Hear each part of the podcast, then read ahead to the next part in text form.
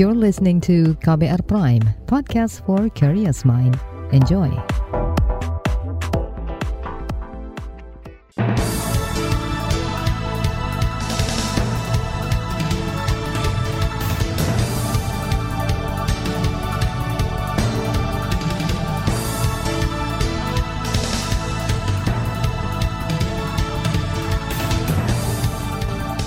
Selamat pagi saudara, senang sekali kami bisa menjumpai Anda melalui program Buletin Pagi.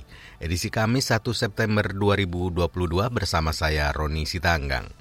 Sejumlah informasi pilihan telah kami siapkan di antaranya, wacana kenaikan BBM sebabkan pembelian panik. Pemerintah optimistis pertumbuhan ekonomi stabil hingga akhir tahun. Jokowi perintahkan Panglima TNI tindak anggotanya terlibat pembunuhan warga di Mimika. Inilah buletin pagi selengkapnya. Terbaru di buletin pagi. Saudara, meski belum ada keputusan terkait kenaikan harga BBM dari pemerintah, panik membeli dan penyelewengan bahan bakar minyak BBM terjadi di sejumlah wilayah Indonesia. Di Papua, kepolisian setempat menelusuri dugaan penimbunan BBM bersubsidi jenis solar. Begitupun di Rembang, Jawa Tengah. Di sana polisi membongkar sindikat penimbunan dan menemukan 4 ton solar bersubsidi.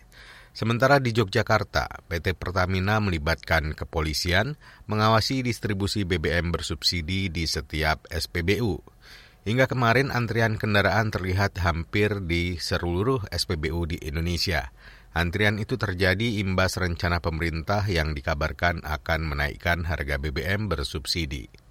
PT Pertamina mengatakan peningkatan konsumsi 1 hingga 2 persen BBM bersubsidi. Menurut Sekretaris Perusahaan PT Pertamina Patraniaga Irto Ginting dalam pesan singkatnya kepada KBR, peningkatan volume penjualan harian masih belum nampak karena fluktuatif di masing-masing SPBU. Saat ini Pertamina masih menunggu arahan pemerintah terkait penaikan harga BBM. Saudara adanya potensi panik membeli di tengah rencana pemerintah menaikkan harga BBM juga disampaikan staf khusus Menteri BUMN Arya Sinulinga. Ya kan kita makanya kita kan juga tahan ya tahan artinya sesuai dengan ketersediaan kita tahan juga lah. Sesuai dengan ketersediaan ada ya. Baru kita juga coba untuk menanggulangi yang beli-beli banyak ya kan kita coba untuk tahan mereka gitu. Stok sih aman tapi kan kita tahu tadi yang tadi itu saya bilang bahwa ada paling baik lah apa semua itu ya. Tapi ya kita coba untuk tahan-tahan juga. Bukannya kita tahan untuk penjualan ya tapi tahan lebih kepada yang beli harus yang benar itu tadi staf khusus Menteri BUMN Arya Sinulinga. Di sisi lain, Badan Pengatur Hilir Minyak dan Gas Bumi BPH Migas menampik adanya aksi panik membeli BBM subsidi jenis Pertalite dan Solar di tengah wacana kenaikan harga. Direktur BBM PP, BPH Migas Patuan Alfon Simanjuntak mengatakan, dari hasil pengawasan, antrian di beberapa daerah hanya pengisian BBM biasa. Kami sudah melakukan pengawasan ke beberapa daerah tim kami sudah minggu lalu atas saran pimpinan dan dari hasil survei sepertinya tidak ada panik buying menjadi antrian itu oleh karena uh, memang pengisian memang sudah saatnya mengisi artinya karena kendaraan jadinya kosong. Direktur BBM BPH Migas Patuan Alfon Simanjuntak menambahkan, saat ini pemerintah tengah mengatur ulang skema penyaluran BBM subsidi lewat revisi Perpres tentang penyediaan, pendistribusian, dan harga jual eceran bahan bakar minyak. Regulasi baru itu, kata Alfon, telah diserahkan kepada Presiden Joko Widodo untuk ditandatangani. Kata dia, BPH Migas terus melakukan pengawasan terhadap penyelewengan penggunaan BBM subsidi. Sementara itu DPR meminta PT Pertamina, BPH Migas, dan aparat hukum menindak tegas pelaku penimbunan BBM subsidi, buntut rencana kenaikan harga dari pemerintah. Anggota komisi yang membidangi energi DPR Mulyanto menyebut penyelewengan hanya akan menambah sengkarut pengelolaan BBM. Anggota fraksi PKS itu mendesak pemerintah mengambil opsi kebijakan pembatasan dan pengawasan daripada menaikkan harga BBM bersubsidi. Dia berkata pergerakan harga minyak mentah dunia saat ini masih sesuai asumsi revisi APBN 2022. Menurut pengamat ekonomi, rencana pemerintah menaikkan harga BBM bersubsidi berdampak pada pembelian berlebihan atau panik buying serta penimbunan. Menurut ekonom dari Lembaga Pemantau Ekonomi Celios Bima Yudhistira, Alotnya keputusan pemerintah menerapkan kebijakan mengatasi menipisnya stok BBM bersubsidi ini menjadi celah untuk mengambil keuntungan. Bima menyebut aksi borong BBM itu seharusnya diantisipasi pemerintah lewat perpres penyediaan, pendistribusian, dan harga jual eceran BBM. Ya, yang pertama justru membuat yang berhak mendapatkan BBM subsidi. Ini justru tidak kebagian jatah karena bisa menimbulkan kelangkaan di banyak SPBU antrian yang panjang ya berarti ada ada apa ya ada waktu yang terbuang di situ. Dan juga yang betul kita akan membutuhkan solar pelaku UMKM ya ini akhirnya susah justru mendapatkan yang merupakan haknya dan akhirnya ini semua akan diteruskan kepada biaya-biaya konsumen yang jauh lebih mahal. Direktur Celios Bima Yudhistira mendorong pemerintah mengintegrasikan data kependudukan terkait pelaku UMKM maupun masyarakat miskin di rencana menaikkan harga BBM subsidi. Ia menjelaskan kenaikan inflasi akibat naiknya harga BBM bersubsidi akan menambah data masyarakat miskin yang sebelumnya tidak masuk di data penerima bantuan bantalan sosial. Ekonom Bima mendorong pemerintah menunda kenaikan harga BBM bersubsidi karena akan memukul perekonomian dibandingkan beban yang ditanggung APBN. Di bagian selanjutnya, Jokowi ingatkan hati-hati mengurus Freeport. Informasinya akan hadir saat lagi, tetaplah di Buletin Pagi KBR. You're listening to KBR Pride, podcast for curious mind. Enjoy!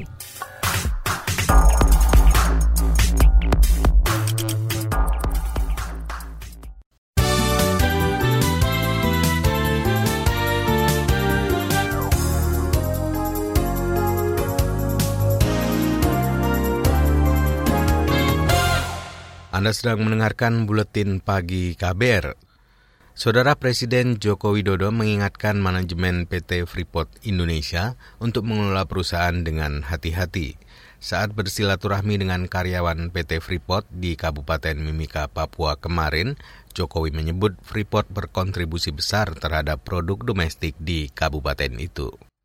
Bisa titip Pak Tony Winas, pengelolaan Freeport ini agar betul-betul hati-hati karena menyangkut tidak hanya yang ada di Freeport, tetapi yang ada di Mimika, tetapi juga yang ada di Provinsi Papua. Hati-hati mengenai ini.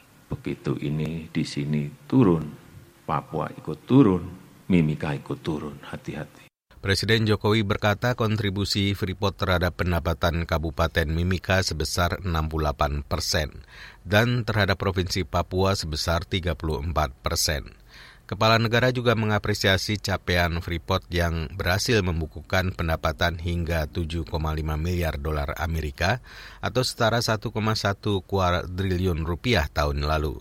Dalam kesempatan itu Presiden Jokowi juga meminta menyelesaikan juga diminta menyelesaikan masalah PHK terhadap 8.300 karyawan PT Freeport.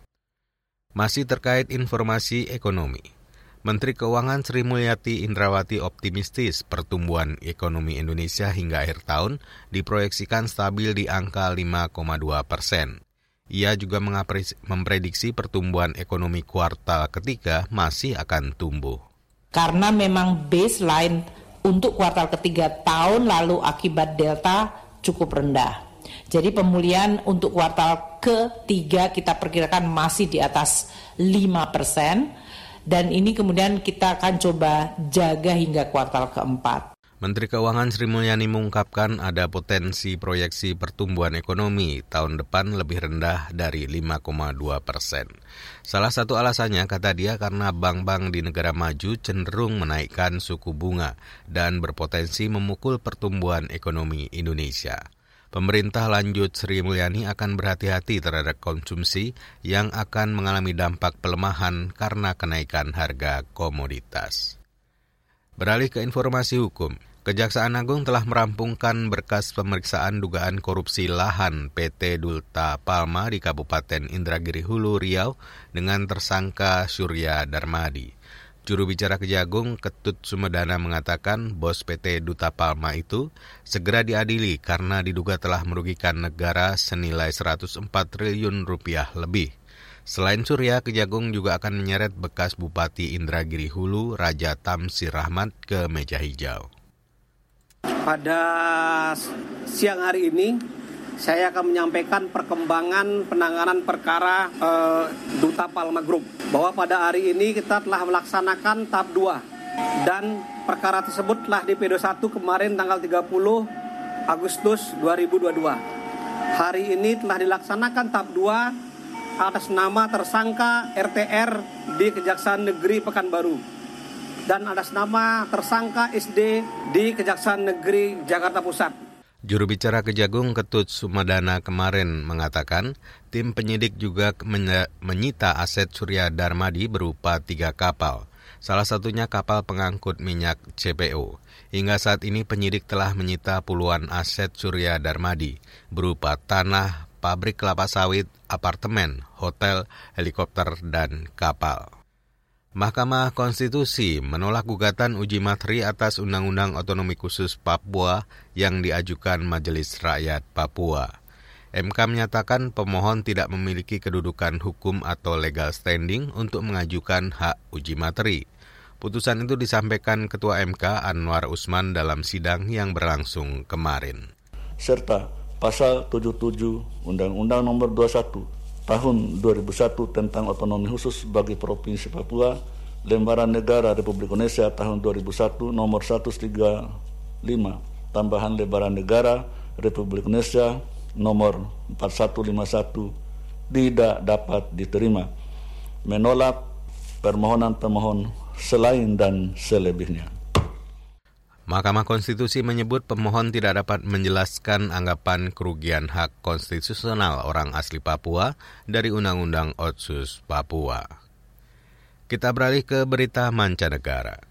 Sekretaris Jenderal Perserikatan Bangsa-Bangsa PBB Antonio Guterres akan berangkat ke Pakistan pada pekan depan. Guterres akan berkunjung solidaritas bencana banjir yang melanda negara tersebut pekan lalu.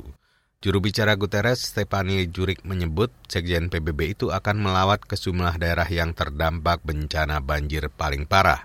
Sebelumnya Guterres menyerukan bantuan kemanusiaan senilai 2,3 triliun rupiah untuk membantu Pakistan.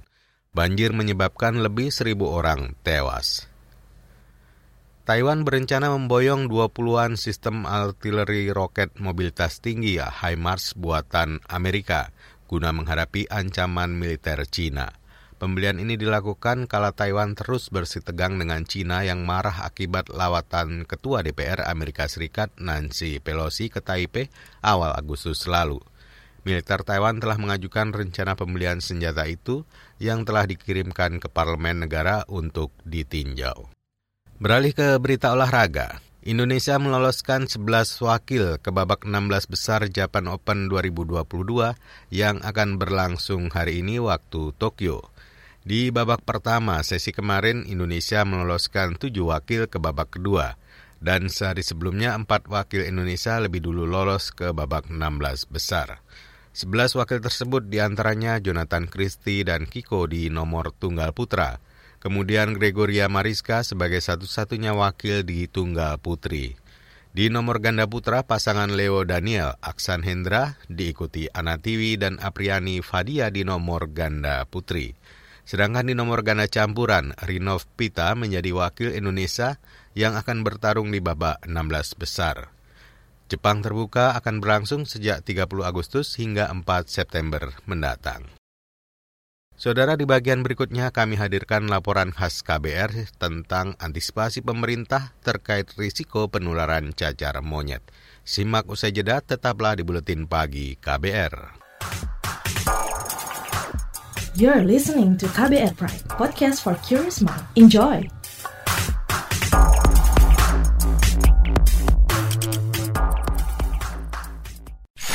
Commercial break. Commercial break warga negara Indonesia yang pernah bergabung dengan ISIS ada yang menyatakan ingin kembali atau balik ke Indonesia. Ada beberapa wartawan juga yang mempertanyakan sebetulnya kepulangan mereka itu ada payung hukumnya. Berbagai peristiwa terjadi di sekitar kita, mengundang tanya, memancing ruang-ruang diskusi. Ruang Publik membahas berbagai peristiwa yang hangat diperbincangkan publik, menghadirkan narasumber kompeten, membuka perspektif, dan mendorong hadirnya solusi dan narasi baru. Kalau ada keluarga kita yang punya urusan dengan aparat seperti jual beli mobil, lalu terjadi seperti pemaksaan, itu bisa Hmm. dilaporkan ke polisi juga nggak ya? Ruang Publik KBR hadir Senin hingga Jumat pukul 9 waktu Indonesia Barat. Perbincangan ini juga hadir dalam bentuk podcast di kbrprime.id. Mari berdiskusi di ruang publik melalui saluran bebas pulsa 0800 140 3131. Ruang Publik KBR, salurkan aspirasi Anda. KBR, inspiratif, terpercaya.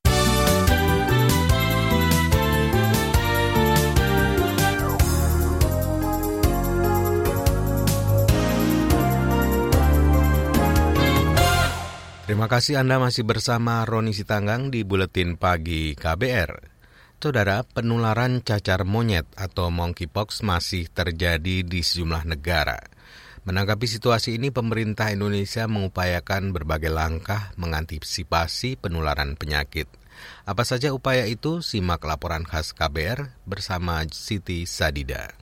Pemerintah telah mengumumkan satu kasus positif cacar monyet atau monkeypox beberapa waktu lalu, yaitu seorang warga Jakarta, laki-laki, dan berusia 27 tahun. Ia merupakan pelaku perjalanan luar negeri. Pria tersebut kemudian melakukan isolasi mandiri karena dinilai kondisinya stabil dan memiliki gejala ringan seperti demam dan ruam di telapak tangan, kaki, dan muka. Pasca temuan itu, sejumlah upaya dilakukan oleh pemerintah, semisal dengan memperketat screening di pintu-pintu masuk kedatangan luar negeri. Perintah pengetatan disampaikan oleh Presiden Joko Widodo. Ya sudah saya perintahkan pada uh, Menkes yang pertama urusan vaksin segera, yang kedua untuk tempat-tempat yang interaksinya tinggi, kemudian gerbang-gerbang masuk negara kita betul-betul dicek secara ketat. Menteri Kesehatan Budi Gunadi Sadikin merespon perintah dari Presiden dengan sejumlah upaya, antara lain menguatkan deteksi dengan peningkatan kapasitas laboratorium serta menyiapkan logistik peralatan diagnostik. Upaya lain adalah melibatkan komunitas populasi kunci atau kelompok-kelompok beresiko tinggi terinfeksi. Surveillance-nya menggunakan PCR, jadi kita sudah punya lebih dari 1000 lab PCR di seluruh Indonesia dan kita sudah mendistribusikan reagen-reagennya ke kota-kota besar di seluruh Indonesia memiliki potensi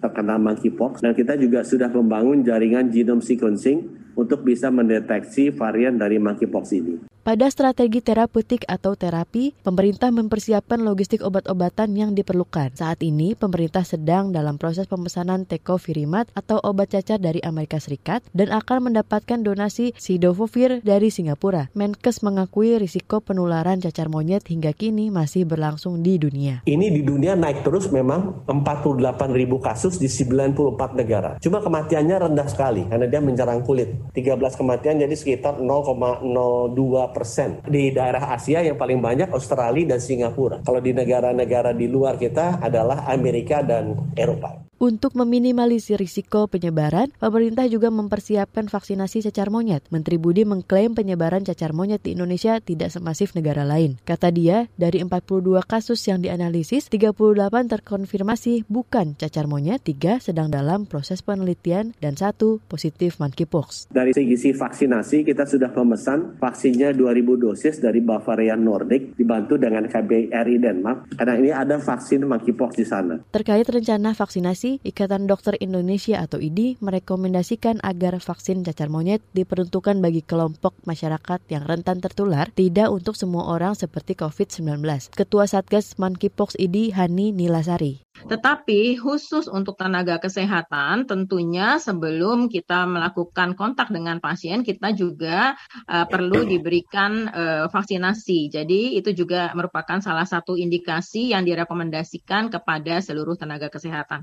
Jadi sebetulnya memang dasarnya vaksin ini tidak diindikasikan untuk masyarakat umum tetapi pada orang-orang yang memang tadi beresiko tinggi ataupun pada tenaga kesehatan. Selain penguatan deteksi dan vaksinasi, sosialisasi juga menjadi bagian penting dari antisipasi penularan penyakit menular. Di Kota Ambon misalnya, Kepala Dinas Kesehatan Kota Ambon, Wendy Pelupesi, menggencarkan sosialisasi soal ciri-ciri dan gejala cacar monyet kepada masyarakat. Sampai sekarang belum terlapor, belum ada kasus tapi tetap sosialisasi itu tetap teman-teman sampaikan. Oh, sosialisasi kan banyak lewat medsos, televisi yang orang nonton. Dan sekarang puskesmas rata-rata dong punya medsos semua ada, dong punya Instagram apa yang itu disosialisasikan lewat situ. Sementara itu di Kabupaten Banyuwangi, Jawa Timur, pemerintah setempat melakukan sosialisasi secara khusus di sejumlah kalangan seperti komunitas LGBT serta kelompok lain yang rentan penularan. Di samping itu, Kepala Dinas Banyuwangi Amir Hidayat juga menggandeng pelaku pariwisata di sana untuk sosialisasi. Antara lain dari Persatuan Hotel dan Restoran Indonesia PHRI Banyuwangi. Informasi ini menjadi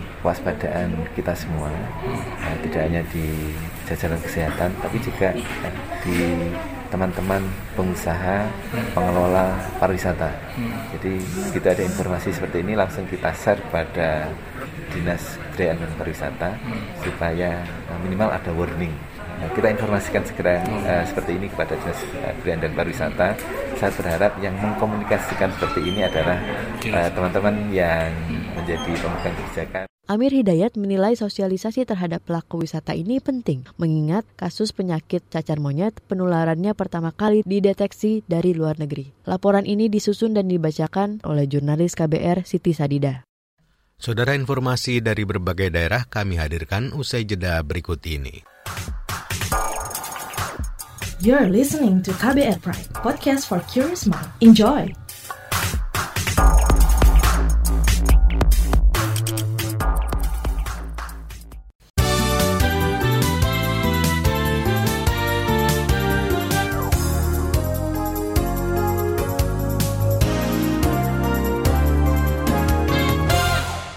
Inilah bagian akhir buletin pagi KBR.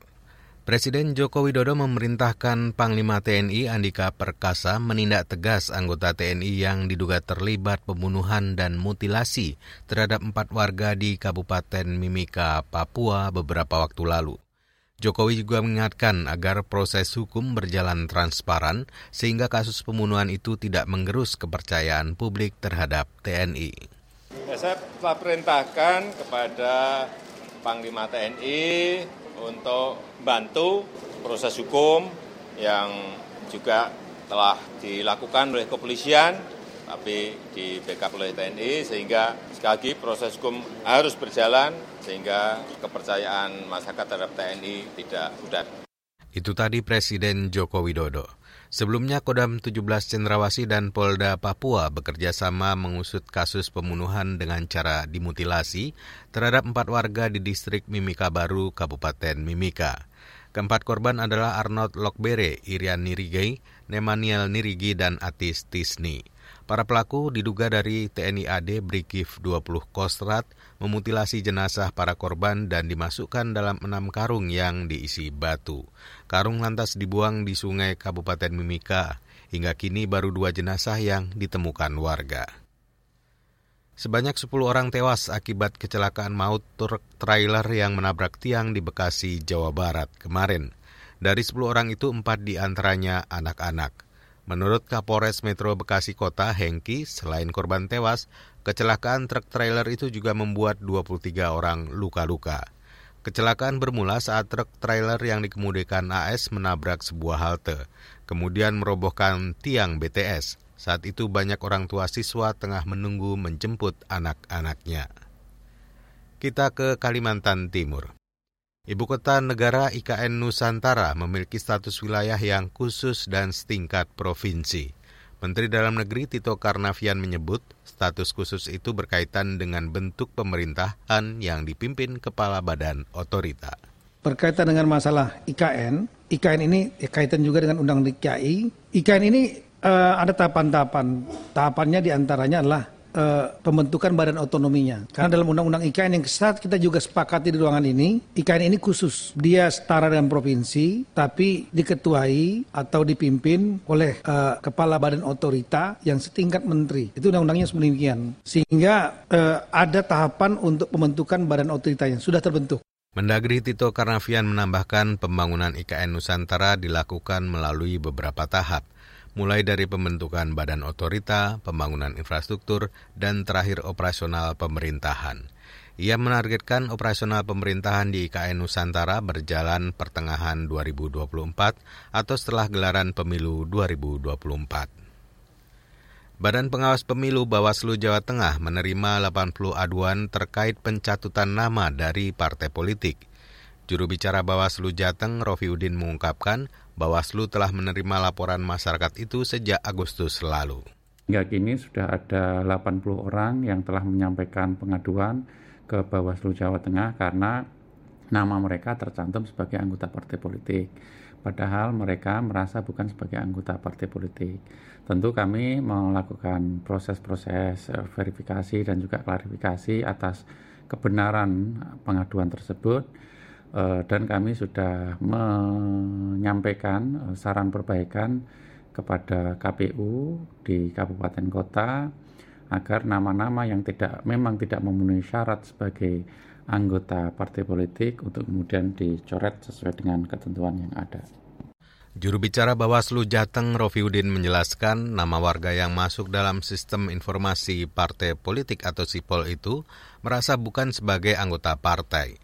Bawaslu akan meminta adanya perbaikan di, Kabup di KPU Kabupaten Kota dan berharap proses verifikasi administrasi partai politik yang saat ini masih berlangsung berjalan sesuai ketentuan.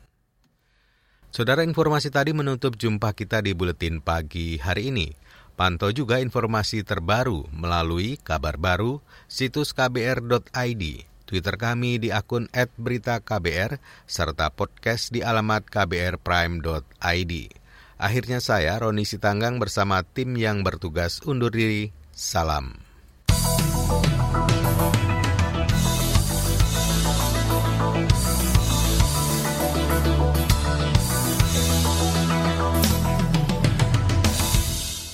KBR Prime, cara asik mendengar berita. KBR Prime, podcast for curious mind.